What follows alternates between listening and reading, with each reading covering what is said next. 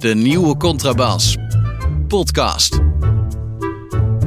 Over hedendaagse literatuur en de wereld daaromheen. Met Chrétien Breukers, een elitaire Limburger. En Hans van Willigenburg, zomaar een Zuid-Hollander. Welkom bij de eerste aflevering van de nieuwe Contrabas podcast. Chrétien, al last van zenuwen? Enorm. Zeven kleuren. Jij, Hans? Nee, ik heb geen last van zenuwen. Oké. Ja, dat is gek. Ik heb echt al de hele dag zit ik al eh, te denken, wat moet ik toch gaan zeggen en hoe ga ik dat doen?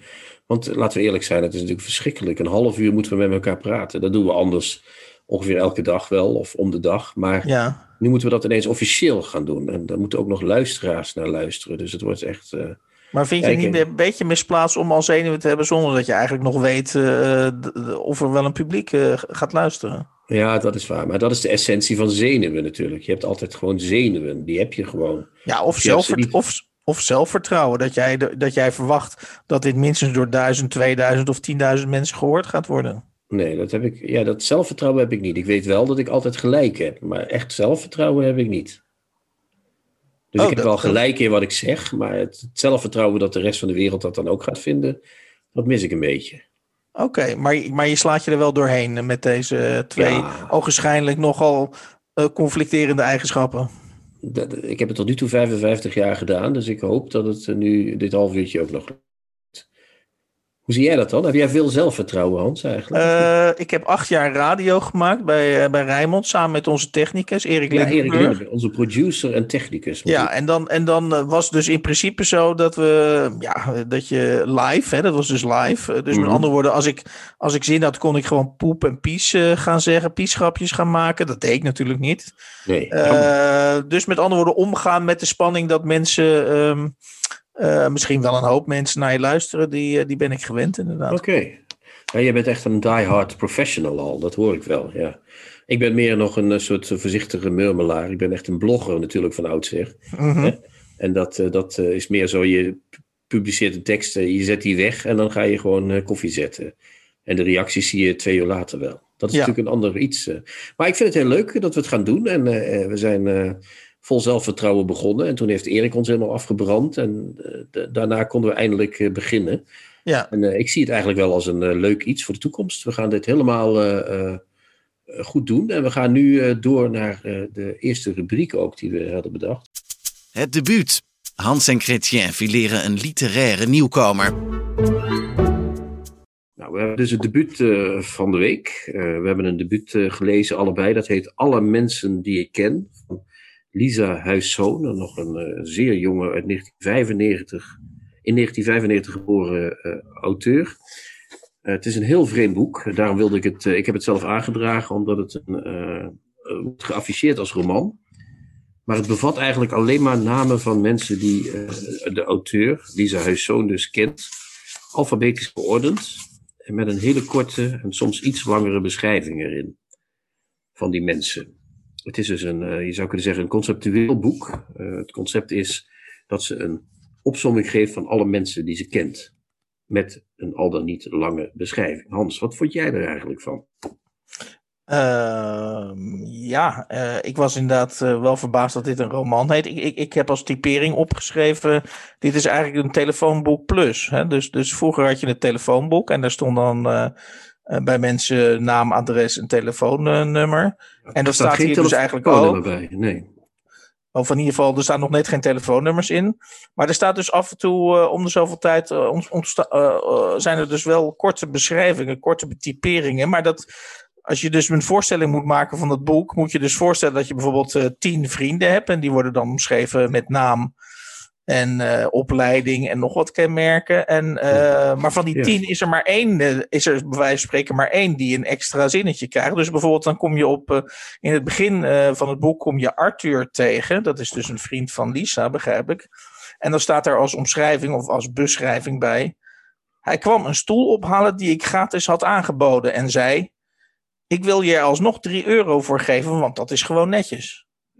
Dat vind ik toch een hele mooie zin, of niet? Eh, ik vind het wel een, wel een grappige zin, ja. Ja. Dus dat is toch wat het is, of niet? Maar jij vindt het een beetje saai worden op, het, op den duur. Nou ik. ja, Of- kijk, het is natuurlijk een, het is natuurlijk een heel mooi. Uh, ik, ik, ik heb, uh, het is een soort democratisch geintje. Hè? Dus in, in normaliter is er een verwikkeling in een boek. Of er zijn hoofdpersonages waar iets mee gebeurt. Mm. Maar dit is een pure. Het, het, het, deed me eigenlijk denken een beetje aan uh, de Rotterdamse school in de jaren zestig. Zeker, zeker. Ja, ja. Dus, dus gewoon eigenlijk al, al, al, alle. Ready-made, ja. Alle tierlantijnen eraf halen. En dan ja, wat je overhoudt opschrijven. Ja, ik heb dat niet. Ik heb, ik heb iets anders dan jij. Ik vind het uitermate boeiend, omdat het vooral ook, omdat er soms um, op duur, hè, als je dus uh, bij de A begint en bij de Z ja. eindigt, zoals ik gedaan heb, dat je steeds mensen tegenkomt die ook weer vrienden zijn van andere mensen uit dat boek. -hmm. En die mensen zijn weer vrienden van weer andere mensen. Dus op een gegeven moment, door dat conceptuele, ze heeft echt duidelijk gekozen voor dat concept van het van A tot Z beschrijven van de mensen die zij kent. Um, eh, doordat ze dat zo rigide volhoudt, dus echt als een hè, ijzerreinig volhoudt, gaat, gaan die namen toch, omdat ze steeds meer verbindingen aangaan onderling, gaan die, gaat dat muziek maken, dat boek. Dat vind ik dus heel knap. Vind ik dat. dat vind ik echt een, een, een experimenterende ouderwetse zin van het woord. Ze heeft iets uh, gekozen, ze houdt dat vol. En ze schrijft dat ook nog zo op dat je denkt, ja, kijk, hier kan ik dus zelf, en dat is heel knap, vind ik, want heel veel verhalen worden je opgedrongen. Hè? Je begint in een verhaal en je ja. wordt er doorheen geleid en dan heb jij het verhaal van de auteur gelezen. Soms uh, voel je je daar meer bij betrokken, soms minder. Bij dit verhaal, uh, dat is dat, dat hij noemde het woord democratisch, is echt democratisch, want jij kunt je eigen verhaal maken met de namen van die mensen die. Uh, ik kom soms ook mensen tegen in het boek die ik wel, die ik ken. Weet je wel, uh, Tjeerd Bruinja. Ja, die staat okay. niet op achternaam, maar Tjeerd is, is de dichter des vaderlands, is Tjeerd Bruinja. Ja, maar gaat het, zo, gaat het zo ver dat, dat, uh, dat jij erdoor gegrepen wordt, dat je dus ook, moet ik me voorstellen, dat je ook letterlijk heen en weer gaat bladeren dan, van oh, wie ja. kent wie nu? Ja, en, ja, ja. en wat ik is de relatie? Kijk, wie was dat ook alweer? Want dat is een vriend van die, en als ze onderstreept zijn, kun je terug gaan. En dan ga ik ook weer terug. Dus, dus net als, vroeger had je uh, dat boek van, uh, dat heb je nog natuurlijk, maar Vroeger las ik het boek van, van uh, Cortázar, dat heette Rayuela, een enkelspel. En er stond ook vaak onder in de bladzijde, ga terug naar bladzijde 80. En ik ben dan zo iemand die dat ook echt doet. Die dan echt naar bladzijde 80 teruggaat en dan kijkt wel. Dus ik, ik me dan door dat boek. Ik, ik, ik, eigenlijk heb ik, hoe, lang, hoe ouder ik word en uh, uh, hoe meer ik een hekel krijg aan verhalen die van links naar rechts gaan en mij daar netjes doorheen loodsen. Dus ik vind dit echt een veradem, verademing in, in, en, en, en, en ja. uh, wat denk jij dat, uh, en natuurlijk kunnen we geen koffiedik kijken, maar stel je maakt dit als, wat Lisa heeft gedaan, dit als debuut. Ja. Wat nu? Ja, wat Ja, wat nu? Ja. ja. Nou, dat zal heel moeilijk zijn. Kijk, zo'n zo'n zo'n conceptboek, die, ze kan nu nog zoiets gaan doen. En dan zeggen mensen natuurlijk, ja, dat is net zoiets als het eerste boek. Mm-hmm. Terwijl als ze twee keer een gewoon verhaal had verteld, dan hadden ze niet gezegd, ja, dat is weer een gewoon verhaal. Want dan hadden ze ja. gezegd, we kijken eens hoe dit verhaal in elkaar zit. Dus ik kan natuurlijk, ze is 25 nu, of 26 bijna. Dat ligt eraan wanneer ze jarig is. Kijk, ik kan niet uh, inderdaad koffiedik kijken, maar ik hoop dat dit het begin is van een uh, aantal boeken waar ik uh, veel plezier aan, aan beleef. Ik, Klinkt een beetje plechtig, en, maar ik was echt oprecht. Het is in september al verschenen, daarom heb ik het alsnog ingebracht, want het heeft wel wat aandacht gehad, maar niet heel veel. Maar ik was echt oprecht onder de indruk van dit debuut. Ik vond dat echt iets anders dan de, de meeste flauwekul die je gepresenteerd krijgt. Ja, en, en, en dan nog eventjes, het feit überhaupt dat, dat, dat dit boek, uh, jij vindt het dus, neem ik aan, heel terecht dat het boek is uitgegeven, ik geloof bij de arbeiderspers. Ja, dat vind ik van alle boeken trouwens. Alles mag voor mij uitgegeven worden, dus dat is niet. Uh... Oké, okay, maar ik, ik, denk, ik denk er wel. Of, of, of, misschien moeten we gewoon ons petje afnemen voor. Uh, of misschien krijgt ze gewoon een schrijverssubsidie. En, dat en, is ook en, gehad, zag ik. Ja. Maar dat geeft niet, dat is juist goed. Dan heeft ze dat kunnen schrijven. Ja, dus het is, het is mogen we het, maar daar ben jij waarschijnlijk tegen. Ik noem dat dan een heel klein beetje staatskunst. kunst die alleen bestaat omdat er subsidie is. Ja, dat vind ik echt, ja, daar ben ik het niet met je eens. Nee, nee, dat, dat is echt uh, net zoiets als, uh, nee, dat is geen staatskunst, nee, nee. Nee, nee ik bedoel, ook niet, ik bedoel, niet, ik bedoel met staatskunst ook niet iets dat gehoorzaamt aan een bepaalde autoriteit. Dus zo bedoel ik het niet. Maar uh, kunst die eigenlijk alleen maar bestaat bij de gratie van het feit, de, zoals in dit geval, dat er subsidie voor gegeven wordt. Maar daarmee doe ik niks af aan het al of niet interessant zijn van, van dat boek. Ik heb zelf ook wel eens uh, beurzen gehad van het Letterenfonds. En het is niet zo dat mijn boeken zijn geschreven omdat ik een beurs had. Maar als ik geen beurs had gehad, was ik in die tijd verhongerd. Wat op zich een hele kunst is bij mijn formaat. Dus, uh, het was, uh, dus ja, zo, zoiets. ja. Ik moet wel toegeven dat er, er, zitten, er zitten zinnetjes in. Dus uh, jij hebt kennelijk niet, uh, niet de neiging om te gaan citeren. Maar ik vond ja, bijvoorbeeld, ik, ik, vond bijvoorbeeld Carla. en dan krijg je als omschrijving. Tijdens een les gaf ze iedereen een rozijn met de opdracht die zo lang mogelijk in de mond te houden. Ja, schitterend toch? Ja, dat vind ik echt fantastisch. Op hier, Liberty werkt bij een school waar ze een vriezer hebben die gevuld is met kipburgers. Elke lunchpauze bakt ze er twee. Nou, dat vind ik al een heel verhaal op zichzelf, toch? Ja, dat is alles ja. schitterend gedaan. Of hier, um, um, um, ik moet even zoeken, want ik had een geel briefje neergelegd. Ah, nou? Oh, op het laatst heb je mensen zonder naam die ze niet kent. Dan zegt ze, iemand die de ramen in de regen waste. Nou, dat is toch fantastisch. Ik moet meteen aan mijn moeder denken, want die zegt altijd: als het regent, moet je nooit je ramen wassen. Dus dat is meteen. Dat zinnetje roept bij mij echt een hele wereld eh, op. Of iemand die een blaadje vooruit duwde met een voet. Maar, maar weten we na dit boek nu iets? Ja, we weten wel iets over die Lisa Huiszoon. Of is ja. het nou juist de grap van dit boek dat je eigenlijk uh, uh, je eigen Lisa Huiszoon aan het, bouwen, aan het bouwen slaat? Uh.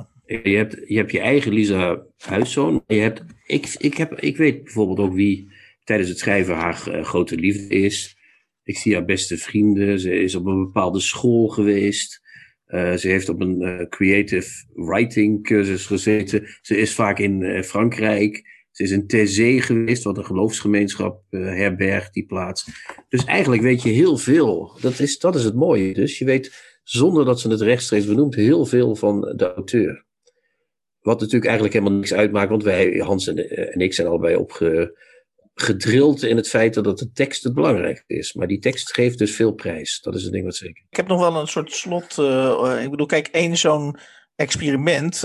Alle mensen die ik ken, dat, dat, is, dat, is, dat is op zich aardig. Maar je moet er toch niet aan denken dat er uh, tien, tien schrijvers zijn die een dergelijk boek gaan schrijven. Ik, ik, zou, ik zou het omkeren. Ik zou zeggen van, ik hoop dat er tien auteurs zijn die een dergelijk boek, niet hetzelfde natuurlijk, want het is zo. Mm -hmm maar uh, ik zou zeggen, dat er uh, meer van dit soort boeken komen.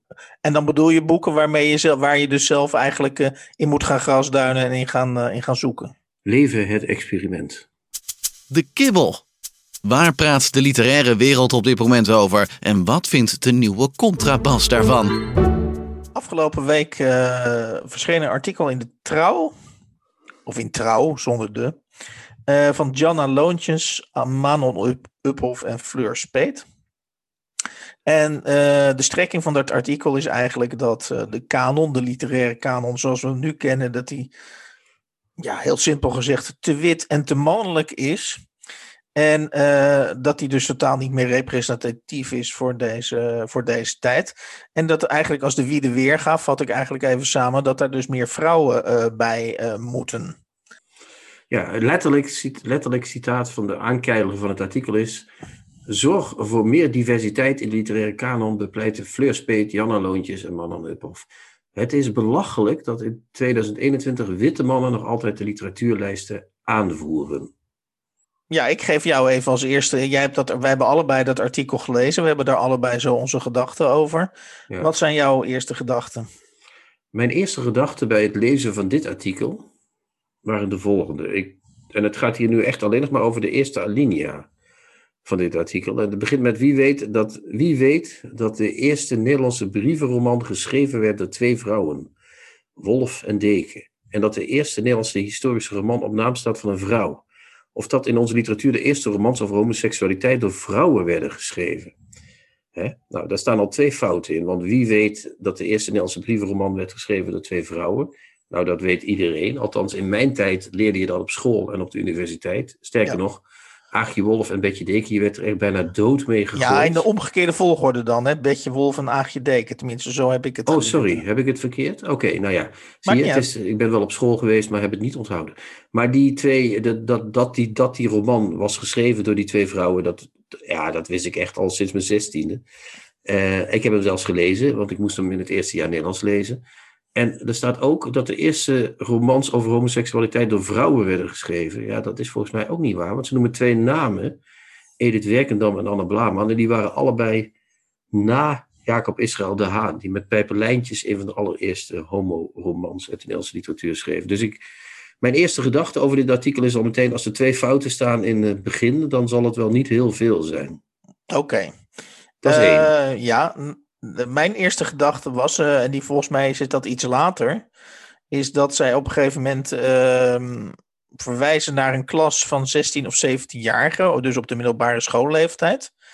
En dat eh, als die dus in contact komen of die zien wat er in de kanon is opgenomen, dat ze dan heel hard gaan lachen. Of dat, er dan, dat je dus de lachlust eh, opwekt. En ik dacht bij mezelf, maar ja, eh, sinds wanneer moeten we rekening gaan houden met, met, met, met middelbare scholieren van 16 en 17? En zijn die de maatstaf eh, om, eh, of, of, of, of, is een literaire kanon niet meer serieus te nemen als die doelgroep gaat lachen? Het, het lijkt me verontrustend. Eerder, eer we, eh, wat zij dus voorstellen is dat we ons dus gaan aanpassen eigenlijk aan die leerlingen van 16 en 17. Dus met andere woorden, dat de literaire kanon dus pas in orde is als zij niet meer gaan lachen. Ja, dat is inderdaad ook waar wat jij zegt. Het is, eh, ze hebben natuurlijk een hele merkwaardige definitie, of in ieder geval een hele mer- merkwaardige eh, gevoel, zou je bijna kunnen zeggen, bij wat het woord kanon betekent.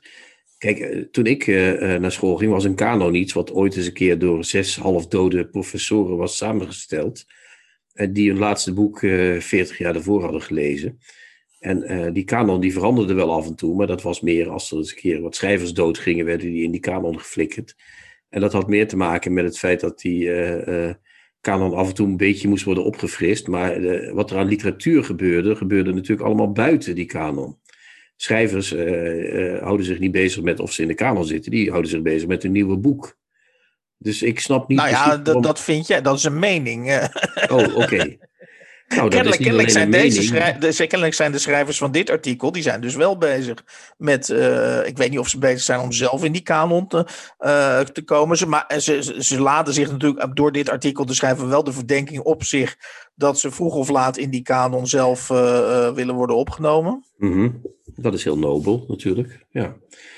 Ik denk dat het inderdaad zo is dat zij misschien eh, dat eh, vinden, maar eh, mijn mening is toch, eh, denk ik, eh, meer. mijn mening is sowieso beter. Want ik denk dat als je als auteur jezelf bezighoudt met het feit of je wel of niet in een, in een kanon.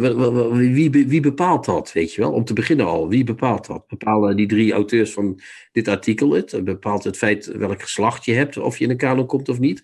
Eh, Ja, maar de, de essentie van een kanon, als ik je mag onderbreken. Als ik je mag onderbreken, de essentie van een kanon. Want jij zei net dat er oude professoren waren die dan iemand in een kanon eh, stoppen. Alsof, alsof dat een soort han- fysieke handeling eh, is.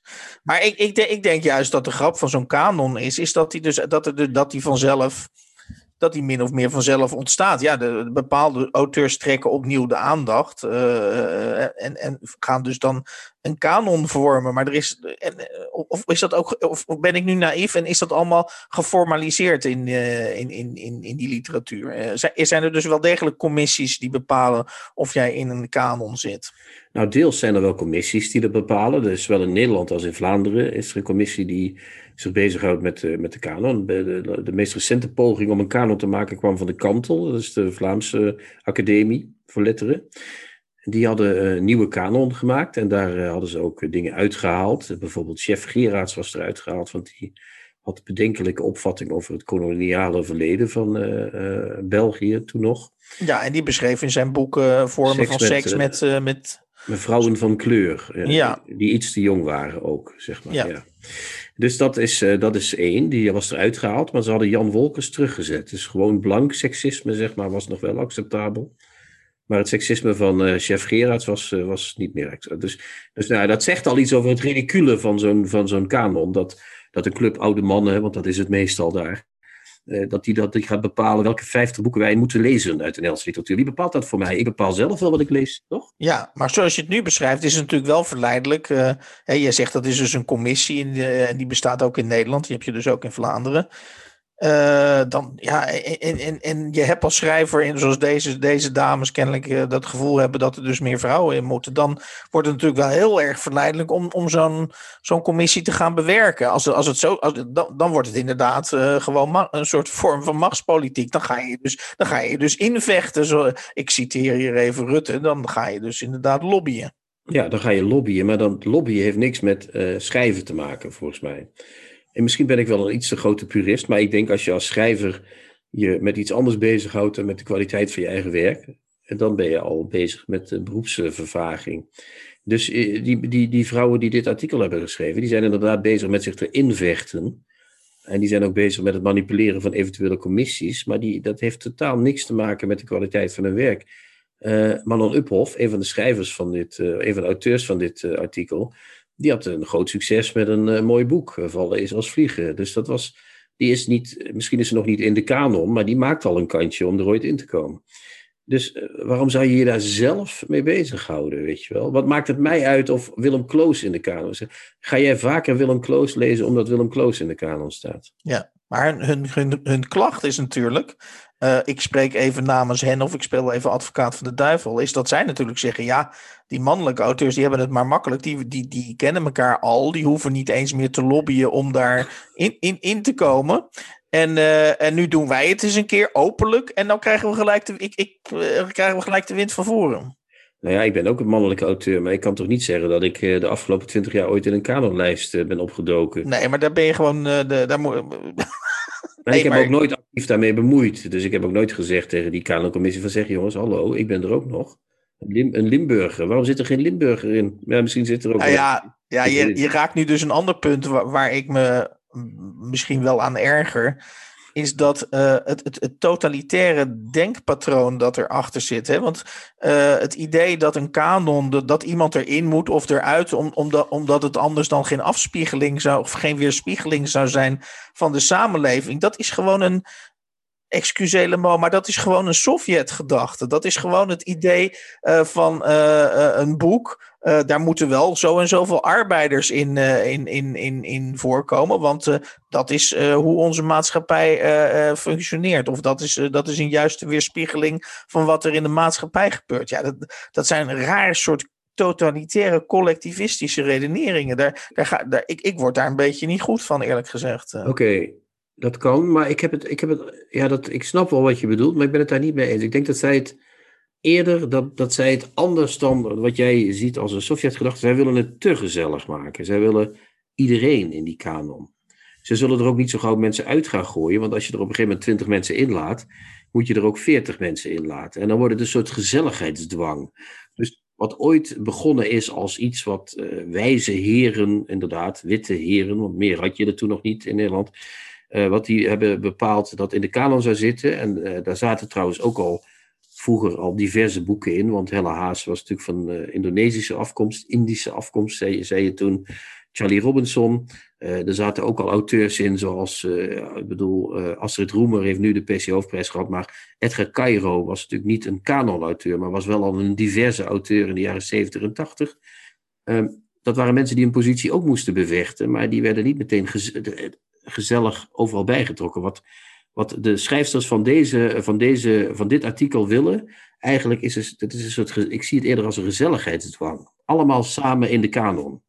En dan betekent dus eigenlijk die kanon ook niet meer. En dan eindigen ze dus met, met, met, met, met, een, met een soort, soort uh, vergezicht. Dat als, uh, als er dus een moment komt dat zij hun zin hebben gekregen. En, en die kanon dus uh, is uitgebreid. In jouw ogen dus veel te gezellig is geworden. Uh, want veel te talrijk. Uh, dan zeggen zij, dan zullen we ontdekken of worden van gelijke strekking dat we een, een rijkere literatuur hebben en, en, en een rijker wij zijn. Ja, ja dat heb ik, ik zal het letterlijk citeren. En dan eindigen ze, de, nadat ze eerst een link leggen met, met Black, Black Lives Matter en met Me Too. Hè, dat is natuurlijk ook een actueel maatschappelijk iets. Dan eindigen ze met, er is geen veiliger plek dan in de literatuur om de wijsheid van het leven te verkennen. De tijd is er rijp voor. Laten we ons rijkere zelf zijn. Nou, dan, dan is het natuurlijk, het, is ook, het staat in trouw, dus dan wordt de dominee in de dames uh, wakker, zeg maar. Hè? Dan zijn we toch weer terug bij de dominees uh, literatuur. Um, ik denk dat literatuur juist bij uitstek, omdat het een niet echt iets is, hè, ik zeg dat met nadruk bijna tussen aanhalingstekens, een, een, een, gebied is waar die veiligheid juist helemaal. Dat is ook alweer dat gezellige. Hè? Iedereen moet erin kunnen. Alle slachtoffers van, van racisme en seksisten moeten in de kanon kunnen, want dan is het daar veilig voor iedereen. Maar literatuur is voor mij juist in al die jaren, uh, uh, hoewel een terug, uh, een, een, een, een, mij fascinerend iets, nooit per se iets veiligs geweest. Literatuur moet ook, literatuur moet ook je, je meningen, ja, je moet je mening ook kunnen scherpen en kunnen zeggen van ik ben het met die auteur niet eens.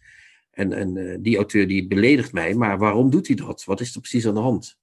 Maar ik zou het nog sterker willen zeggen. En dan ronden we wat mij betreft af. Als, als, een, als, een, als een literatuur of een kanon veilig uh, gaat worden, dan, dan, is, dan is dat voor mij synoniem met dood. Uh, eerlijk ja, gezegd. ja, dat is eigenlijk wel wat waar ik ook naartoe wilde. Ik denk dat, uh, dat deze drie schrijfsters van dit, deze drie auteurs, ik wil het zo neutraal mogelijk zeggen van dit artikel. dus Janna Loontjes, Manon Uphoff en Fleur Speet. Uiteindelijk pleiten voor de voor, voor, voor, voor, voor de dood van, en het is een heel dramatisch iets, maar voor de dood van de kritische literatuur. Overgewaardeerd. Boeken die te luid worden bejubeld. Deze eerste aflevering gaan we het hebben over het, het boek Dagboek van een fotograaf van Stefan van Vleteren. En uh, daar merk ik op voorhand bij op dat ik, ik heb geen, eh, want overgewaardeerd suggereert dat wij vinden dat dat boek dus te hoog wordt ingeschaald of dat dat uh, te hoog te paard zit. Ik weet eigenlijk niet of er nou echt hele lovende recensies over dit boek verschenen zijn. Ik heb, uh, ik heb ze niet kunnen vinden. Maar wat wel zo is, is dat Stefan van Vleteren, dat is natuurlijk ook al eigenlijk veel, veel, veel te, ja, dat kan eigenlijk niet, is dat hij op zijn, al twee keer op televisie uitgebreid is geweest in talkshows om over dit boek te praten.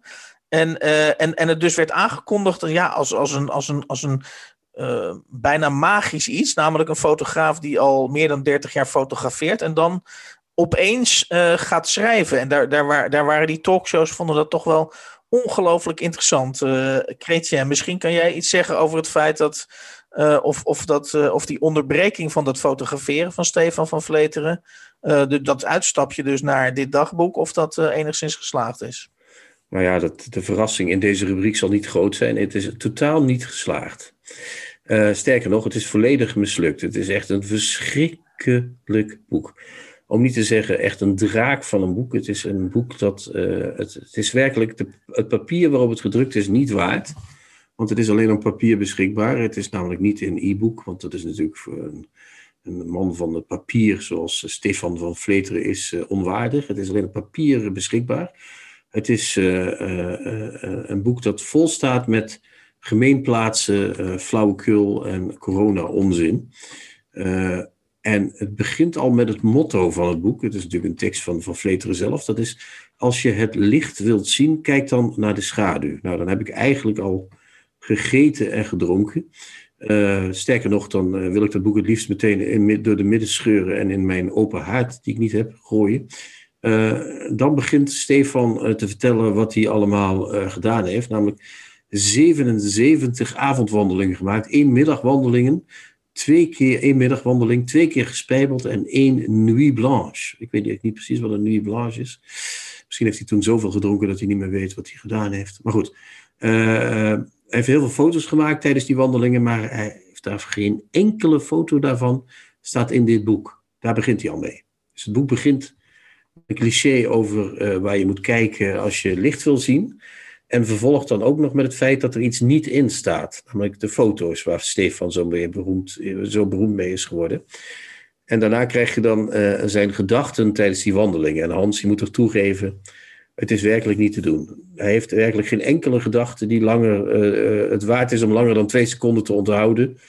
En als, die, als je dat doet, dan krijg je hersenverweking, zeg maar. Of niet? Dat is toch zo? Nou, eh, om te, om te beginnen, ja, ik weet niet of je dat een positief punt moet noemen. Daar is deze rubriek natuurlijk eigenlijk helemaal niet voor. Maar wat ik wel knap vind, is dat ze dat, hoe ze dat boekje opgeblazen hebben. Want, eh, want de, ik heb nog nooit zo'n bladspiegel gezien. Dat je zeg maar, ik denk dat er, wat, ik, ik schat zo dat er 50 à 75 woorden per pagina uh, Zoiets, ja. ja het is, uh, opstaan. Dus, dus dan, dan, pagina's is het in totaal? 180 of zo? Het is ongeveer Oh, het is 100, ja, 166, zeg maar.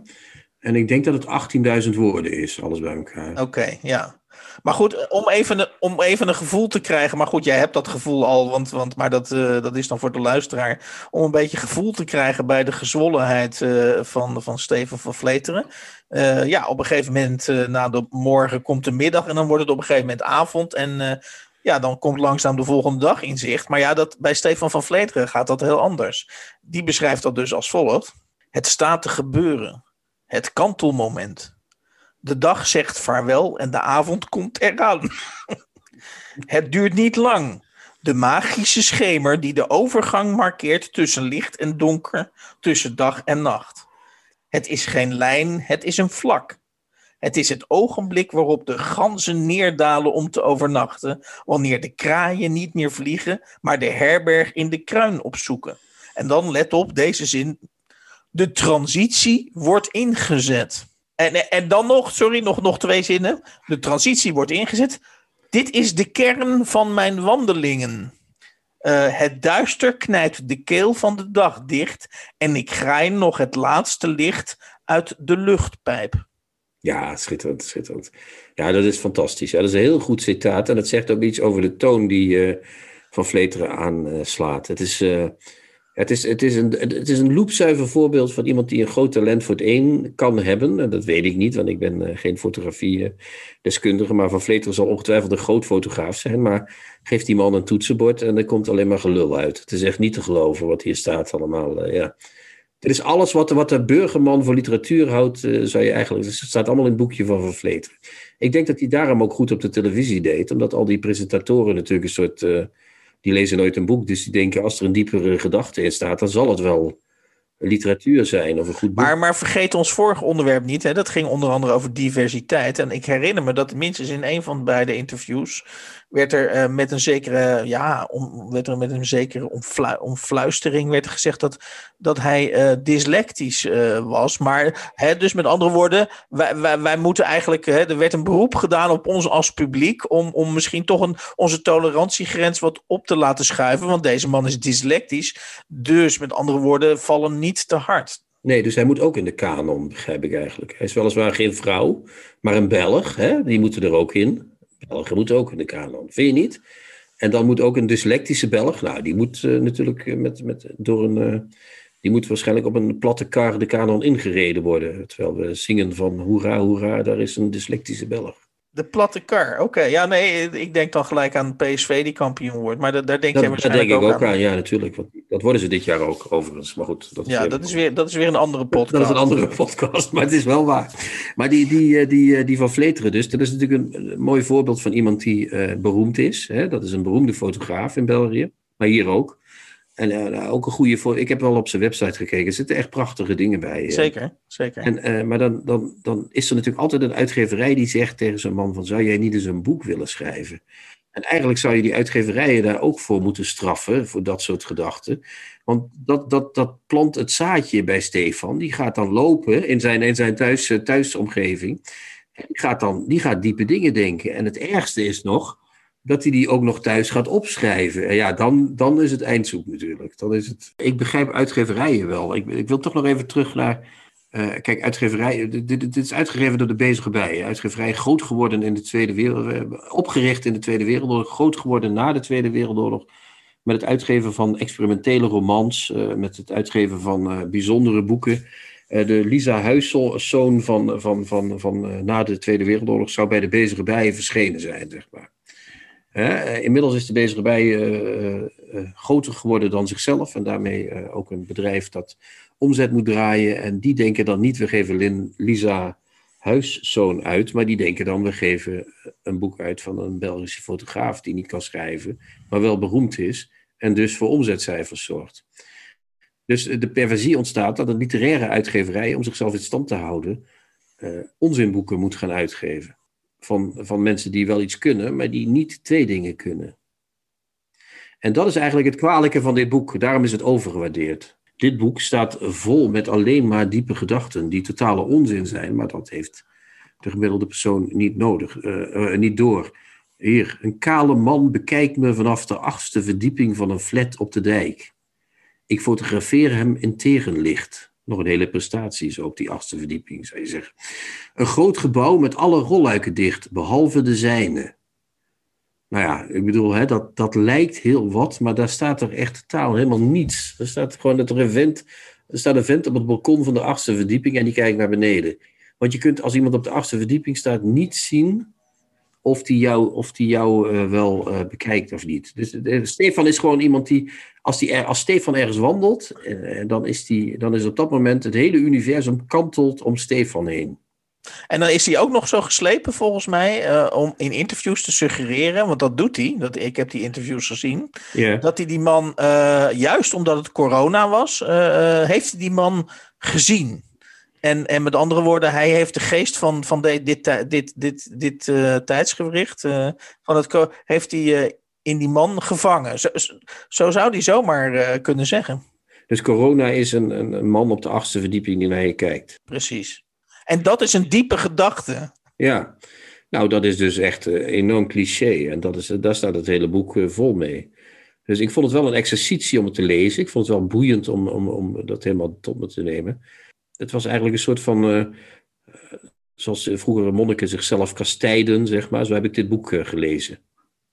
Door, door, door iedere keer meer, meer, Stefan, nog een cliché nog een uh, ellende, nog iets gruwelijks, weet je wel, van harder, meer pijn, Stefan. Ja, schitterend. Tips van de week. Boeken, artikelen of pamfletten die boven het maaiveld uitsteken. Goed, dan gaan we nu aan het meer enthousiaste deel, zeker tenminste na het onderwerp van Vleteren, uh, beginnen. En dat is dat ik drie boeken heb geselecteerd die ik zelf heel erg de moeite waard vind.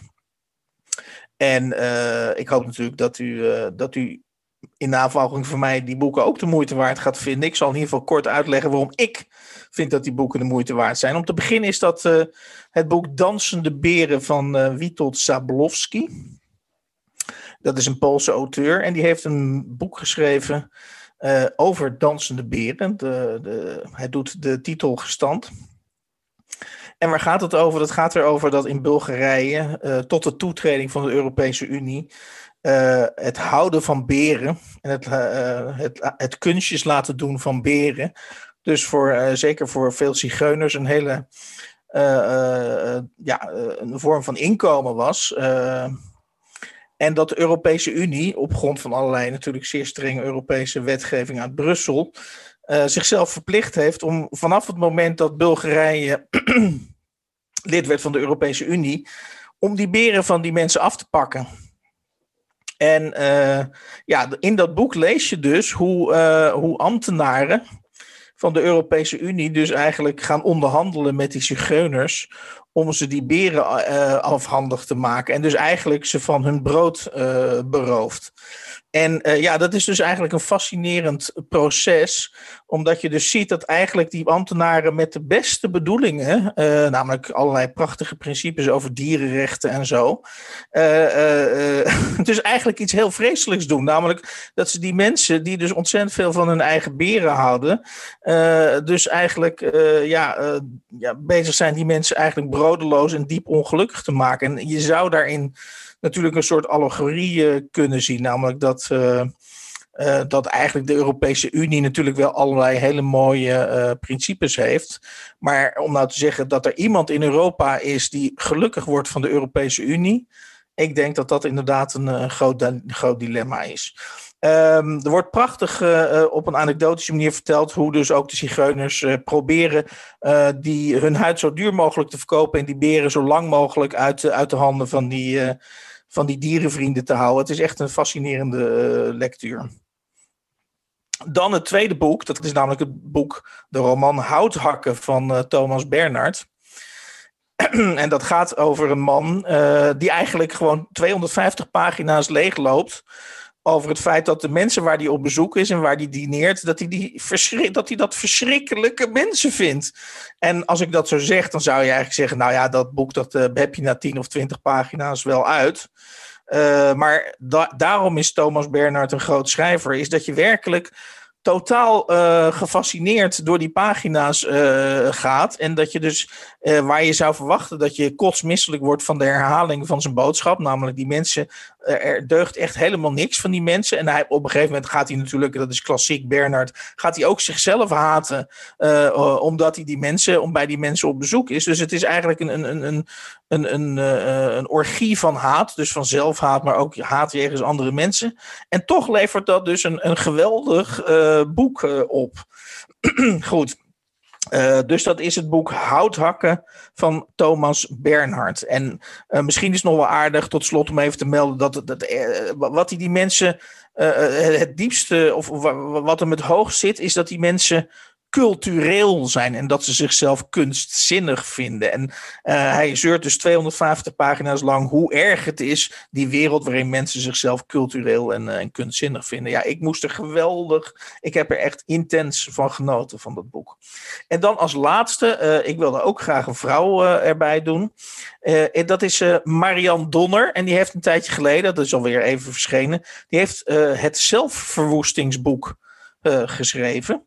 En uh, dat is dus eigenlijk een parodie op al die zelfhulpboeken, waarin je dus uh, slanker, succesvoller, uh, vrolijker door het leven gaat. En Marianne Donner heeft dus eigenlijk het tegenovergestelde gedaan. Die heeft dus een boek geschreven over ja, wat je, dat, dat, dat je misschien wel gelukkiger wordt, niet door jezelf constant te verwennen of, of constant succes na te juichen, maar door jezelf echt letterlijk ja, zij zegt in feite: ga, ga stinken, ga dansen, uh, uh, doe alles, in, of trek een zak chips open. Doe kortom al die dingen die je van die zelfhulpboeken niet mag. En um, um, nou ja, haar bewering is dus eigenlijk dat, dat je daar uiteindelijk gelukkiger van wordt dan al die regels op te volgen.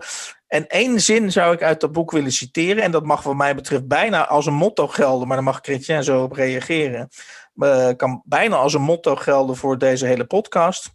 Op pagina 87 sta, van dit boek staat de volgende passage. De mens schiep een wereld waarin technologie er voornamelijk op gericht was om hem te ontlasten. Met als gevolg dat hij zijn nieuwsgierigheid, enthousiasme en verbeeldingskracht verloor.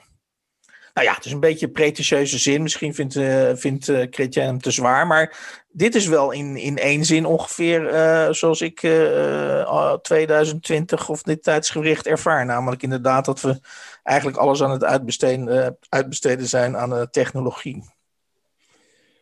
Ik zou daar geen uitspraak over willen doen. Nu. Want dan krijgen we ruzie. Maar ik denk wel dat, want we zijn door de technologie ook hier verbonden natuurlijk. Maar ik, ik ken Marion Donner nog niet, dus dat dat ga ik wel een keer lezen. Dat vind ik wel interessant. Ik was heel blij dat je Thomas Bernhard noemde ook. Dat is echt een prachtig boek, een prachtige auteur. Er komen, ik las net ergens dat er dit jaar weer drie nieuwe titels van hem uitkomen bij uh, uitgeverij Vleugels. Dit boek wat we bespraken is bij IJzer verschenen. Twee Nederlandse uitgevers die zich met het werk van Bernhard bezighouden. Wat een wilde. Uh, het mooie, dat wil ik nog even toevoegen, is dat... Uh, Bernard zichzelf inderdaad ook haat. Maar hij haat zichzelf ook vooral omdat hij met die mensen waar hij s'avonds is, heel lang bevriend is geweest. Bij, Bernard is het altijd zo dat hij in een situatie komt en dan uiteindelijk vindt hij die situatie niet meer prettig. En dat moet dan altijd met afschuwelijke uh, wegduwende bewegingen worden bewerkstelligd om dat, om dat evenwicht weer te herstellen. Eigenlijk is die, die haat van hem dat is, dat is een soort gesublimeerde liefde. Ik vind dat echt, uh, vind dat echt bijna ontroerend hoe die, zich, hoe die daar worstelt. En, en, en inderdaad door die herhalingen van die zinnen en door dat alsmaar op datzelfde aanbeeld te slaan, hoe die door dat boek heen uh, marcheert. Het is echt, uh, ja, het is echt fantastisch. Het is, wat dat toch is met Oostenrijkse auteurs, die altijd maar zo op dat aanbeeld moeten slaan. Net zoals Elfriede Jelinek of Peter Handke. Het is, het is iets Oostenrijks, lijkt het bijna. Ik vind het zeer fascinerend, vind ik het. Ja. Tommy. Chrétien reageert op de nieuwste schrijfsels van succesauteur Tommy Wieringa. Tommy is voor mij wat voor andere mensen God is. Uh, ik weet niet zeker of Tommy bestaat, maar ik ga er wel van uit. En ik volg hem uh, uh, elke keer als hij zich uitspreekt. Tommy schrijft, zoals we allemaal weten, romans. Het zijn prachtige romans, die weliswaar van voor tot achter uit gemeenplaatsen bestaan, maar uh, toch zijn ze prachtig. ik was drieënhalf jaar geleden verhuisd naar Praag. En het, in het huis waar ik ging wonen stonden geen boeken, maar er lag één boek. En dat was een boek van Tommy. Dit is de namen. een boek over vluchtelingen. Dus je, je, begrijpt dat ik dat als een teken zag om mij duurzaam in Tommy te gaan verdiepen. En dat heb ik ook gedaan. Uh, ik heb inmiddels al zijn boeken gelezen. Een exercitie waar ik uh, te zijner tijd uh, een prijs voor zou moeten krijgen. En sinds kort heb ik ook een abonnement genomen op NSC Handelsblad, omdat Tommy daar een column in heeft. elke week het woord van God tot je nemen, live en rechtstreeks, is natuurlijk een uitdaging die ik niet kon laten liggen, ook al kost het dan een tientje per maand. Um, op 9 januari schreef uh, Tommy, die uh, de tijd, uh, net als Bas Heijnen, altijd heel dicht op de huid zit, een prachtige column onder de titel We onderbreken de revolutie even voor de reclame. deze prachtige column, ook weer geheel opgetrokken uit gemeenplaatsen, ging over de bestorming, zoals hij dat noemt, van de Capitol Hill. Dus over de mensen die, omdat Trump ze daartoe had aangezet, het centrum van de Amerikaanse macht aanvielen en binnendrongen.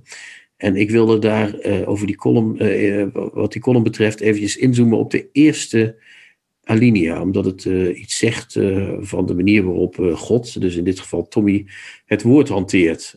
God houdt van metaforen. Ik lees de eerste alinea heel even voor en geef dan een kort commentaar op. Urenlang keken we naar het duistere carnaval op Capitol Hill opgezweept door een verliezende president. God, wat klinkt dat woord verliezend hem, koelde de beeldenstormers zijn woede op de symbolen van de macht, omdat het kon, omdat niemand ze tegenhield. Het was al zo lang aangekondigd, er werd al zo lang op gehind en mee gevlucht, en nu was het dan zover. Een hartstochtelijke ontlading van geweld. It's gonna be wild, had hij voorzegd. Hij had het voorzegd, inderdaad. Hij riep zijn aanhangers op het democratisch proces te verstoren en de formele bekrachtiging van zijn opvolger te blokkeren. Een wanhoopsdaad. De laatste dagen van een keizer zijn het meest te vrezen. Wat we hier zien is dat God, en die is heel oud, die bestond al voordat het universum bestond, uh, soms uh, door zijn eigen metaforen heen uh, zakt. Um, het gaat erover dat er, hè, Tommy noemt het eerst een duister carnaval. Dan heeft hij het over beeldenstormers, wat weer iets anders is dan een carnaval. En aan het eind uh, roept hij ook nog een sfeer op van de laatste dagen van een keizer. Dus in één alinea, als ik het goed tel, uh, bevat hij 1, 2, 3, 4, 5, 6, 7, 8, 9, 10, 11, 12, 13 korte regeltjes in de krant. Weet hij zich al te verstrikken in drie metaforen. Het lijkt inderdaad bijna een tekst van de Huub Oosterhuis. En dat is alweer. En wat mij betreft voor goed. En de komende weken zal blijken waarom. Een bewijs dat Tommy overal is en net als God ons zal leiden en uh, gidsen waar nodig. Amen. En a woman, zou ik erbij willen zeggen. Moet je horen. Hans leest een favoriete passage voor uit een boek dat hij onlangs gelezen heeft. Goed, ik uh, ga dus uh, misschien niet elke week, maar af en toe ga ik een, een mooie passage voorlezen. En als, als je mij dus mooie passages, of in ieder geval een mooie passage laat kiezen, dan kom je heel vaak uit. in ieder geval deze eerste keer en misschien ook volgende keren uit bij een van mijn all-time favoriete auteurs. En dat is Fernando Pessoa. Die heeft net, en dat is nieuw van hem vertaald, Chroniek van een leven dat voorbij gaat nou ja, de, de mensen die Pessoa kennen, daar hoef ik natuurlijk niks meer bij uit te leggen. Maar Pessoa is wat mij betreft zeg maar uh, het summum van schrijven. En waarom is hij het summum van schrijven? Omdat um, eigenlijk elke, elke zin, elke alinea, elke pagina uh, um, uh, in die zin uniek is. Uniek is een beetje een, slappe, slappe omschrijving. Maar um, Pessoa is een schrijver die echt al die, die dus onver, per definitie onverfilmbaar is. Met andere woorden, wat Pessoa opschrijft, dat kun je echt alleen maar lezen. En dat, dat gaat echt alleen maar over schrijven. Uh, en um, dat vind ik eigenlijk dus uh, heel prettig. Want je hebt natuurlijk uh, de, het aantal boeken zijn niet aan te slepen. Waarbij je inderdaad op een gegeven moment denkt, nou ja, hier kan je net zo goed een film van maken. En misschien is dat wel een betere film dan, dan het boek. Maar die gedachte, die kom je dus, als je Pessoa leest, zul je die nooit, nooit krijgen. Goed, ik lees dus een, een kleine passage voor uit de Chroniek van een leven dat voorbij gaat. En dat is dan nummer 156. Wij zijn egoïsten, maar dan met de gevoelens van anderen. We leven verwarde levens, want we vormen geen eenheid meer. We leven niet ons leven, het is het leven dat ons leeft. In seksuele zin heeft het leven van ons allen onanisten gemaakt. Zelfs van een stevige omhelzing krijgen we het gevoel onszelf te bevredigen. Vrije is voor ons niet meer dan een vermomde masturbatie. Ja, schitterend is dat, ja. Ja, dat is echt. Maar wat, dat is wat Versdijk heeft ooit gezegd: dat in goede literatuur bevat elke nieuwe zin ook nieuwe informatie. En dat is bij hem.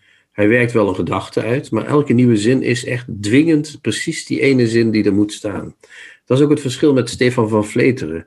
Daar staat elke zin gewoon rotsknots door elkaar. Je kunt die achtste verdieping kan net zo goed op bladzijde 30 staan of op bladzijde weet ik veel. Maar bij Pessoa is in iedere alinea al perfect, weet je wel. Dus je kunt alles achter elkaar lezen als een soort het is een diamant. Nou ja, ik begin nu in uh, zinloze uh, hyperbolen te vervallen. Maar het is echt inderdaad, heel, wat je nu schreef is echt, wat je nu voorlas is echt, dat is heel goed, ja, ja. Dat is echt fantastisch. En ook eigenlijk heel toepasselijk voor deze tijd. Als je het zo uh, ziet. Hè? Zitten, we met, zitten we met onze Zoom-verbinding elkaar. Maar ja, ik heet geen Stefan van Vleteren, dus ik kondig het niet aan als zijnde toepasbaar op, uh, op dit, op dit, op dit uh, bewogen coronatijdperk, inderdaad. Nee, precies. En, en waarschijnlijk zou Pessoa het ook van zich afwerpen. Maar het is wel meteen zo raak en zo fantastisch opgeschreven. Dat is echt ja, schitterend. Universeel, oh, ja. Oké. Nou, laten we, laten we in deze eensgezindheid over Pessoa uh, afsluiten uh, met deze eerste aflevering. En dan uh, hopen dat mensen plezier beleven aan onze, aan onze ja, wat, hoe zullen we dat eens noemen, Christian? Ja, podcast. Podcast, ja, wat zou je anders moeten noemen? Ja. Ons, ja. Wat lees jij? Kort vraaggesprek over wat iemand aan het lezen is en hoe dat bevalt. Uh, we moeten nog een oproep doen, Hans. We moeten de, de, lezers, we, hebben, we zoeken lezers. We gaan elke week een echte lezer uh, uh, bellen. Nou ja, dat is de bedoeling althans. Maar dan moeten die, maar dan moeten die lezers zich dus wel gaan aanmelden.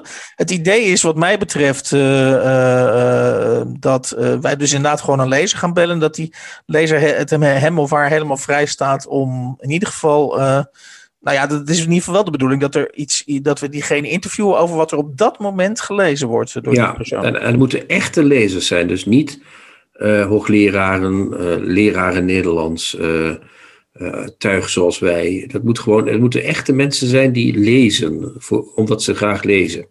En die er niet beroepsmatig iets mee te maken hebben. Die mensen kunnen zich op de website melden, de, op, de, op de nieuwe Contrabas blog staat een contactknop en daar kunnen ze ons mailen.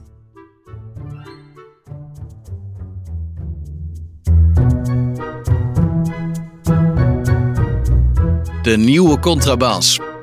Podcast.